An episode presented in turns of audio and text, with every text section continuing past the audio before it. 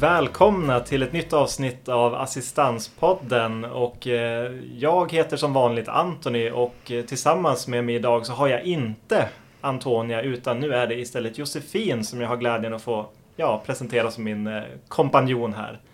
Hej hej! Ja, Josefin heter ju jag och det här känns ju jättekul och spännande. Det här är mitt andra poddavsnitt. Ni som lyssnade förra gången hörde ju att vi har gjort ett skifte, att Antonia har slutat och jag har börjat. Och det ska bli jättekul att få göra den här podden tillsammans med Anthony. Mm. Och då har ni ju också hört eh, en hel del av Josefins ja, men, om Josefins gedigna historik och erfarenhet inom assistans och eh, det är ju någonting som vi kommer få anledning att, att, komma in lite grann på säkert längs vägen här. Men idag så ska vi prata om eh, LSS-utredningen som har gått på remiss och lite grann vad det innebär. Och LSS-utredningen släpptes ju egentligen i januari 2019 och är det så att ni har lite kanske inte kommer ihåg exakt vad det handlar om eller vill veta lite grann mer om vad man föreslog och vad man pratade om i LSS-utredningen så kan ni gå in och lyssna på det specialavsnitt som vi spelade in i samband med att den, eh, den släpptes helt enkelt.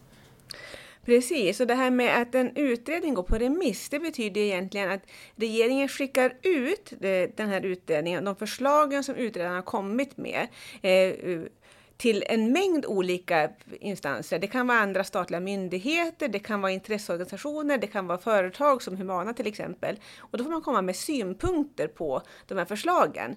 Tycker man att de är bra? Tycker man att de är dåliga? Tycker man att man borde göra på något helt annat sätt? Eller vad tycker man egentligen om de här? Och mm. alla så här statliga myndigheter, de måste svara när regeringen säger, ber om, om svar. Medan vi andra, vi får om vi vill. Och vi vill väldigt gärna eh, ha synpunkter på det här. Så är det. Och är man nyfiken på vilka instanser som har fått den här förfrågan så kan man gå in på regeringens hemsida också och läsa det. Alltså det var en lång lista. En lång lista vill jag betona. Ehm, så det blir ju intressant. Men när, när är det förväntat att man ska få ett svar då från de här remissinstanserna? Ja, den här remissen ska besvaras senast den 12 november 2020. Så det är några månader bort, men det är inte så lång tid. För man tänker på att den här utredningen är väldigt stor och omfattande. Den handlar ju inte bara om assistans, den handlar ju om, om hela LSS. Så, eh, och vi kommer ju att lägga vårt fokus på assistansen, för det är det som ligger oss närmast på humana assistans. Men, men däremot så, så kommer ju många instanser att uttala sig om, om, om alla delar i den här utredningen. Så att eh, med tanke på det så är det inte så lång tid man har på sig att svara på så många olika eh, områden som den här ändå täcker in. Men 12 mm. november 2020 så är sista dag för att komma in med remissvar. Just det, men hur ser det ut då? Är det hela utredningen som man kommer att titta på eller har man valt ut delar av utredningen som man kommer att få lämna synpunkter på? Den är faktiskt begränsad till vissa delar och det, och det handlar just om assistansen. Och det, det man kan backa tillbaka till egentligen det är att den här, när LSS-utredningen kom så var den hårt kritiserad. För man sa att, att den är för grund, den har för, den har för dålig bakgrund till assistansen, den har dåliga förslag vad gäller assistansen, den har orealistiska förslag vad gäller assistansen. Man ville utesluta delar av personer som inte skulle kunna ha rätt till assistans längre. Och det till exempel så, så skulle man ta bort assistansen för barn och för personer med stora, eh, eh med stora intellektuella funktionsnedsättningar. Eh, och de delarna går man inte vidare med, så där vill man inte ha, man vill inte ha svar på de förslagen förslagen, för de förslagen är inte längre aktuella. Men jag tror faktiskt att det är så att, att, det, att för att kunna prata om hur man vill att assistansen ska se ut egentligen då, istället, så kommer man, man behöva beröra de, de sakerna också. Därför det är ju viktigt att, att, att förklara varför det är viktigt även för barn och för personer med autism, utvecklingsstörning och så vidare, eh, att att kunna ha rätt till assistans också, som är en av de insatser som man kan få sina behov tillgodosedda genom. För att man kan ju om man, om man är ett litet barn eller om man är en person med autism eller så, så kan man ju antingen behöva få, få eller vilja få sina behov tillgodosedda genom assistans eller genom boende eller genom någon, någon, annan, någon annan typ av insats. Mm. Så man behöver prata om alla de här bitarna även om de inte längre är aktuella mm. för assistansen. Vi kommer som sagt att svara på den här remissen och mm. vi, har precis, vi har ju egentligen bara sagt tackat för att vi blivit tillfrågade och tänkt det här ska vi, det här ska vi verkligen skriva, skriva mycket om. Men vi har ju inte definierat ut våra svar färdiga än. Vi har ju väldigt mycket tankar och idéer förstås. Assistans är ju det som vi gör eh, dag och natt och dygnet runt. Så, så, så att det här finns ju hela tiden aktuellt för oss. Mm. Eh, men, men, men när, när jag tänker på hur vi ska lägga upp ett remissvar så tänker jag att vi kommer att behöva gå in och röra även vid de saker som regeringen inte frågar efter specifikt. För att, för att man ska kunna förstå varför vi tycker att det ska vara på ett visst sätt så behöver man prata om varför, varför det inte ska vara på ett annat sätt. ja, men det kanske är luddigt men, men ungefär så. Precis. Men för det är intressant för, för eh, LSS-utredningen fick ju en hel del kritik, mycket grundat i de direktiv som man hade när man också skulle där man, där man helt enkelt satte ramarna för vad man skulle utreda. Och eh, eh, då har man ju också nu konstaterat att det är viktigt att man, när man lämnar synpunkten, att man gör det utifrån ljuset av den här januariöverenskommelsen som man har. Och eh, det innebär också att man helt enkelt, enligt då socialminister Lena Hallengren, det handlar helt enkelt om att man ska hitta åtgärder för att eh, förbättra eller förstärka den personliga assistansen. Det handlar inte om att montera ner den. Precis. Nej, för det kan man säga direktiven till LSS-utredningen, den här utredningen som nu har gått på remiss, de direktiven var ju väldigt tydliga att man skulle spara på assistansen, minska rätten till assistans för att istället komma med andra nya åtgärder, nya insatser som skulle kunna tillgodose de här behoven på bättre sätt. Så direktiven till den här utredningen var ju att montera ner assistansen för vissa grupper eller för, för vissa områden eller på annat vis. Och den utredningen gjorde ju det som direktiven sa. Det gav ju sådana svar. Mm. Så vi tar bort assistansen här och skapar istället några andra insatser. Men nu efter det här, efter, och även efter att, att den här utredningen presenterades, så har vi januariöverenskommelsen som, som istället har sikte på att man ska stärka assistansen. För det är ju så här att regeringen har ju tillsatt en ny utredning och den utredningen heter 2020 kolon 3 om man vill titta på den. Stärkt rätt till personlig assistans för stöd vid egenvård vid tillsyn samt för barn. Mm. Eh, och det är ju eh, också en utredning som handlar om assistans och den ska vara klar först i mars 2021. Så att nu, det vi gör nu är att nu så svarar vi på en remiss på en utredning som kom 2019 eh, där syftet var att man skulle minska på assistansen. Och så har man samtidigt nu, eller efter det, tillsatt en ny utredning som ska stärka assistansen. Och det här går förstås in i varandra.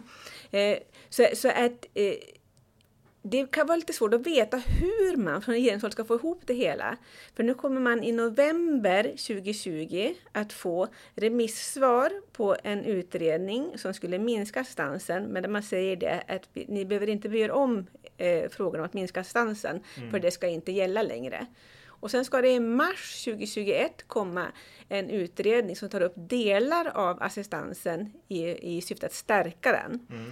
Som sen ska komma, komma på remiss. Och frågan är ju när vi kommer att få en ny lag på det här som rent faktiskt stärker assistansen. Så när ska personer som har behov av assistans få de här nya stärkta rättigheterna till sig? Precis, och, det är väl lite grann den kritik som man kan utläsa om, om man eh, tittar sig omkring för att se vad tycker man egentligen generellt om att den går ut på remiss nu? Och många av våra lyssnare undrar säkert, finns det skäl att vara orolig? Vad innebär det att den går ut på remiss? Vad är egentligen syftet med det här? Eh, lite grann kanske man tänker att men, är, är, det, är det ett sätt att fördröja processen eller är det så att man försöker hitta nya luckor att utnyttja? Eller vad, vad handlar det egentligen om? Ja, alltså jag tänker så här att, att, jag tror inte att man behöver vara orolig för att man skickar den här utredningen på remiss. Dels att vi har januariöverenskommelsen som ska stärka stansen. Vi har en till utredning som ska stärka stansen. Och man säger också när man skickar den på remiss, bry er inte om de här förslagen som handlar om att begränsa stansen, mm. för de är inte längre aktuella. Jag tycker att eh. Lena Hallengren är ändå tydlig med intentionerna där också mm. och, och, tydligt ja, Precis. understryker vad syftet med det är. Mm. Sen tror jag att, att den här kritiken mot att skicka ut den på remiss bottnar egentligen i att, att man, är så, man är så väldigt arg fortfarande på de ursprungliga direktiven, hur utredningen lades fram, hur man har hackat på assistansen och försökt ta bort den gång efter annan. Mm. Och att det är, där, det är därför som man fortfarande man blir så arg, skicka inte den här sopiga utredningen på remiss för den är så usel. och, men jag kan tänka att, att det, jag förstår det. Jag tycker också mm. att, den, att den, jag tycker också att förslagen, framförallt som handlar om, om att begränsa stansen, jag tycker också att de är dåliga och jag mm. tycker att alternativen hade inte varit bra. Kan det finnas en tanke i att man inte vill liksom ändå förlora all den tiden som man har lagt på den här utredningen? Alltså att om man inte lämnar den på remiss då tar man inte heller vara på att man har gjort utredningen. Ja, nej, men jag, jag, tycker också att det, och jag tycker att det kan ju vara, det är ju en fördel. Om man nu tycker att, att assistans är väldigt bra, mm. då är det ju också ganska bra att det är en dålig utredning, för den är väldigt mycket enklare att angripa. Tänk om det hade varit en utredning som hade varit så här hyfsat halvokej på flera områden, mm. då, men, men, kanske inte det här mest exemplariska sättet att, att, som vi tycker att assistans ska vara. Så det hade kanske varit mycket svårare då att få gehör för det, för nu kan man, det är, det är faktiskt väldigt enkelt utifrån ett assistansperspektiv angripa mm. de här förslagen. Och det är väldigt lätt att peka på att det här är inte bra därför att det mm. får sådana här oerhörda konsekvenser för de här, mm, för de här personerna. Och det får man väl ändå säga att mm. om man läser i listan över remissinstanserna också så är det ju mycket kompetens just när det gäller assistans som finns där mm. också. Så att man bör ju kunna belysa mycket av bristerna i LSS-utredningen också. Mm. Eh, och, och, som ni förstår så kommer vi också göra vårt bästa för att belysa det. Sen det som, det som jag däremot är orolig för, det är ju det här att man, att man delar upp assistansen i så små, många små olika delar. Mm. Att man, att man, det är ju bra att man tillsatt en utredning som, som ska kolla på tillsyn, egenvård, sjukvård, föräldraansvar. Det är jätteviktiga saker. Mm. Men ju, min farhåga är när man delar upp assistansen i många små olika beståndsdelar, är ju att man tappar tappar helheten. Man, man ser inte assistans som en helhetslösning utan man skapar att den här, det här momentet är assistans och det här momentet är assistans och det här momentet är assistans. Man mm. snuttifierar upp tillvaron. Men man tittar inte på att för att assistansen ska vara en, en fungerande insats så behöver man se på helheten. Man kan ja. inte titta på, man kan, man kan inte utgå från punktinsatser. Assistans är inte punktvisa insatser. Assistans är sammanhängande sjok där assistenten finns tillgänglig för det som jag vill göra i min vardag. Men vad tror du eh, är, vad är det som gör att man gör de här olika, som du kallar det, snuttifieringen eller att man, man tillsätter snabba utredningar för att lösa små frågor relativt sett då, inom assistansen? Handlar det om att man vill snabbt komma till en lösning eller tror man rent att det enda problemet är till exempel, nu tar jag bara exempel eftersom de är så nyligen tillsatta, men eh, till exempel andning och sondmatning som har varit väldigt, väldigt viktigt för de som behöver den hjälpen. Men, men i det stora hela är det kanske inte en, en fråga som löser alla assistansens problem. Nej, men jag, så här tror jag att det är. Att mm. man man lät eh, Försäkringskassan och kommunerna eh, driva assistansen så långt från sitt ursprungliga syfte. Och, jag, jag påstår att det är på det viset. Jag, mm. men jag vet att kassan och kommunerna säger vi följer bara praxis. Men jag tänker att man får ingen praxis om man inte först får ett, ett avslagsbeslut. För att en, det ska komma en dom i domstol så krävs det att myndigheterna fattar ett beslut som är så pass litet så att den enskilde behöver överklaga. Mm. Det, det, man, man kan inte få en praxis utan att först få ett avslagsbeslut. Mm. Eh, och då lät man eh, eh, myndigheterna driva stansen så långt från sitt ursprungliga syfte. För att Först gav man avslagsbeslut, så prövades till domstol, så fick man en avslagsdom i, i domstol och då sa myndigheten ah, nu har det kommit ny praxis här, då tolkar man den väldigt snävt.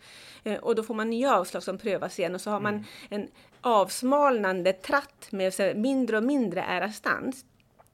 Och eh, till slut hade det gått så pass långt så att så att personer med behov av assistans eh, det blev livsfarligt för de personerna. För att man fick inte ens hjälp, man fick inte ens andas. Mm. Och då behövde man akut lösa det. Eh, och då högg man så här, andning, sondmatning, man får, måste åtminstone få andas. Mm. Eh, och det eh, behöver de förstås göra.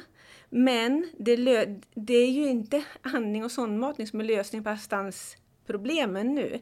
För de allra flesta som har assistans kan både andas och äta utan sond. Det, det väcker förstås frågan, hur kommer det sig att de här grupperna, alltså barnen men även vuxna, egentligen fallit lite mellan stolarna i systemet och vad är det som har gjort att de inte kvalificerade för assistans från första början? Det är ju en sån där fråga man bör kanske ställa sig och det beror ju inte på att de typiskt sett har stått utanför tidigare utan det har ju skett en förändring. Mm. Och vad beror den förändringen på? Eh, och drabbar den även andra? Det är ju sådana här frågor man skulle kunna lyfta.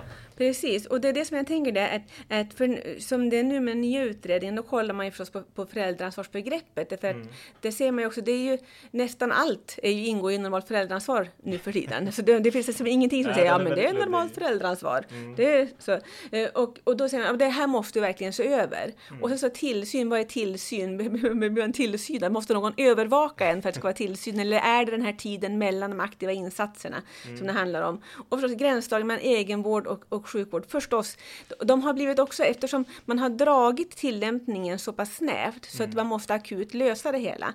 Men jag är rädd för att, att när man akut löser de här uh, jag men, andning, sondmatning, egenvård, sjukvård, föräldraansvar, tillsyn, sånt, eh, då lagar man ju de bitarna steg för steg. Men man skapar ju hela tiden nya glapp som behöver tätas till. Mm. Och när vi får en sån här lapptäckeslagning av, av assistansen så, så blir helhetslösningen ändå inte bra. Så jag tänker att man, man behöver backa tillbaka och ta helhetsgreppet och säga men vad är själva syftet med assistans?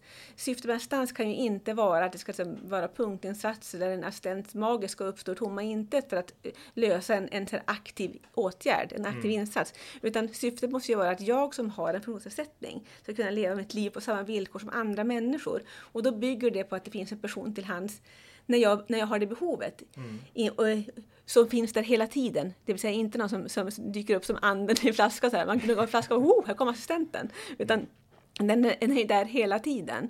Och det är ju det här som, som, som eh, hel, helhetsgreppet som vi behöver ta på assistansen. Och därför så känner jag, även om den här utredningen nu är dålig, jag håller med om det. Men jag tänker att den här man kan på den här utredningen skicka en remiss som tar ett helhetsgrepp på assistansen. Vårt remissvar kan titta på assistansen i sin helhet och mm. inte bara på snuttarna som, är, som har blivit helt åt skogen. Utan vi kan titta på hela assistansen, att hur, hur tycker vi att den bör se ut? Skulle man kunna dra det så långt att man ser att en positiv effekt av att det är så mycket uppenbara brister och, och svårigheter kan bli också belysa just alltså, de bristerna som finns i assistansen idag. Att man skulle, som du säger, då, behöva nästan göra ett omtag och se över hela grunden för assistansen. Hur vill man eller hur är det tänkt att det här egentligen ska fungera?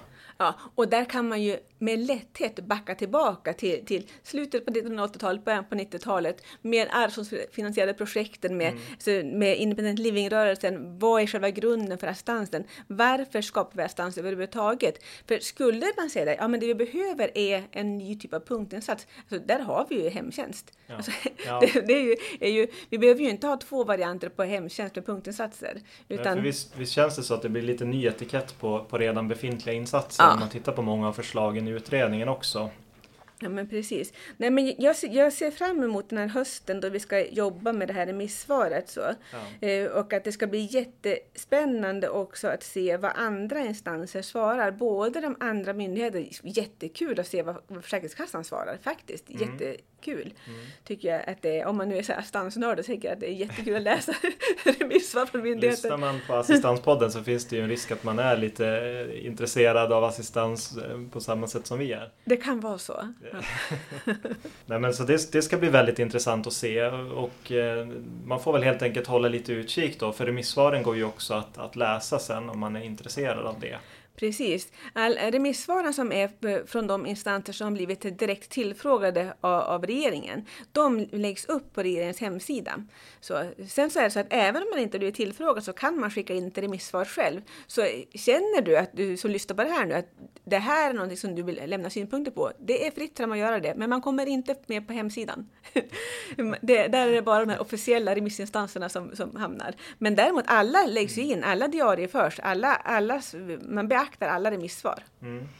Jag tänkte också på någonting som man har fått en del kritik för och jag har själv lite funderat på vad jag känner kring det, men just att man har kritiserat det här att, att utredningen går på remiss, att det skulle innebära att man lägger resurser på någonting som snarare förhalar än att man lägger resurserna på att fokusera på nya utredningar, fokusera på de frågor som är aktuella nu. För vi är väl alla ändå överens om, verkar det, att LSS-utredningens förslag till större delen inte är eh, bra helt enkelt.